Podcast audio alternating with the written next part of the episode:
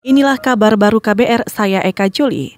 Saudara bekas Kepala Badan Intelijen Strategis TNI periode 2011-2013, Soleman Ponto, menanggapi rencana pembunuhan empat tokoh nasional dan satu pimpinan lembaga survei, seperti yang sudah diungkap kepolisian.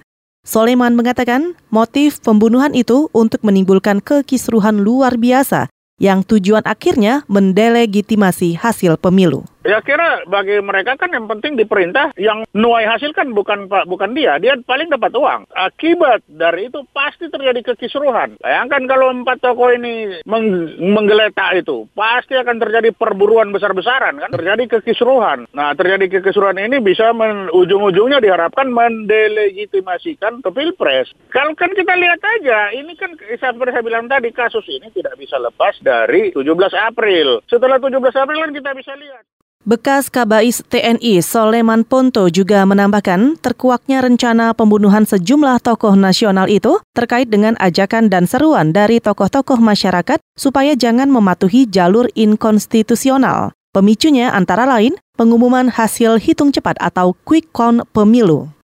Kepala Staf Kepresidenan Muldoko membantah tudingan Badan Pemenangan Nasional atau BPN pasangan Prabowo Sandi yang menyebut calon Presiden Joko Widodo mengerahkan aparatur sipil negara, pegawai BUMN, dan keluarga TNI Polri supaya memilihnya pada pemilu presiden kemarin. Tudingan itu oleh BPN juga dijadikan materi gugatan terhadap hasil pemilu ke Mahkamah Konstitusi. Muldoko menjelaskan pasangan Joko Widodo Ma'ruf Amin nyatanya justru kalah hingga 70 persen di kantong suara ASN, pegawai BUMN, dan keluarga TNI Polri.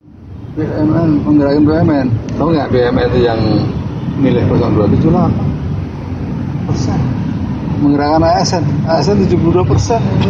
Gitu loh. Di mana digerakkan? Menggerakkan polisi. Buktinya di Aceh, di NTB, di Sumber, kalah telah. Mana yang digerakkan gitu. Jadi Kepala Staf Kepresidenan Muldoko menambahkan fakta dan data tentang kekalahan pasangan Jokowi Ma'ruf di kantong-kantong suara aparatur sipil negara, pegawai BUMN, dan keluarga TNI Polri disampaikan oleh Tim Kemenangan Nasional atau TKN. Misalnya dari hasil pemungutan suara di Perumahan Sekretariat Negara dan Asrama Pas Pampres. Badan Pengawas Pemilu atau Bawaslu menyatakan siap hadapi gugatan sengketa pemilu 2019 di Mahkamah Konstitusi. Ketua Bawaslu Abhan mengatakan segala keterangan, fakta, dan data objektif pasti akan disampaikan saat proses persidangan di Mahkamah Konstitusi.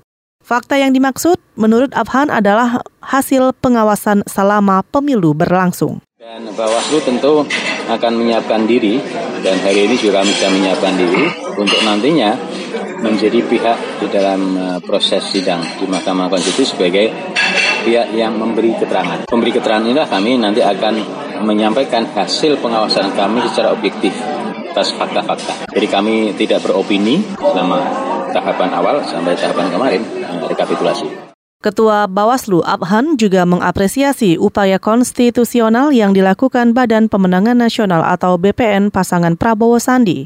Sebelumnya, BPN mengajukan gugatan sengketa hasil pemilu Presiden ke Mahkamah Konstitusi pada 24 Mei lalu. BPN menuding ada dugaan kecurangan pemilu yang terstruktur, sistematis, dan masif. Tapi gugatan BPN itu ditolak karena dianggap kurang memenuhi bukti. Petenis Ukraina Helen Ploskina dijatuhi hukuman skorsing seumur hidup dan denda 20 ribu dolar Amerika atau setara lebih dari 289 juta rupiah karena terlibat pengaturan skor pertandingan. Unit Integritas Tenis menyebut pelanggaran yang dilakukan Ploskina terjadi pada Oktober 2016 lalu. Ketika itu, Ploskina terbukti menjadi perantara dan memperkenalkan calon lawannya kepada mafia pertandingan untuk mengatur hasil skor.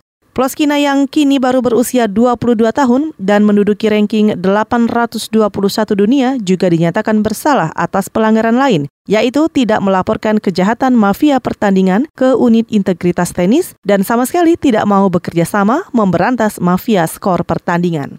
Saudara demikian kabar baru, saya Eka Juli.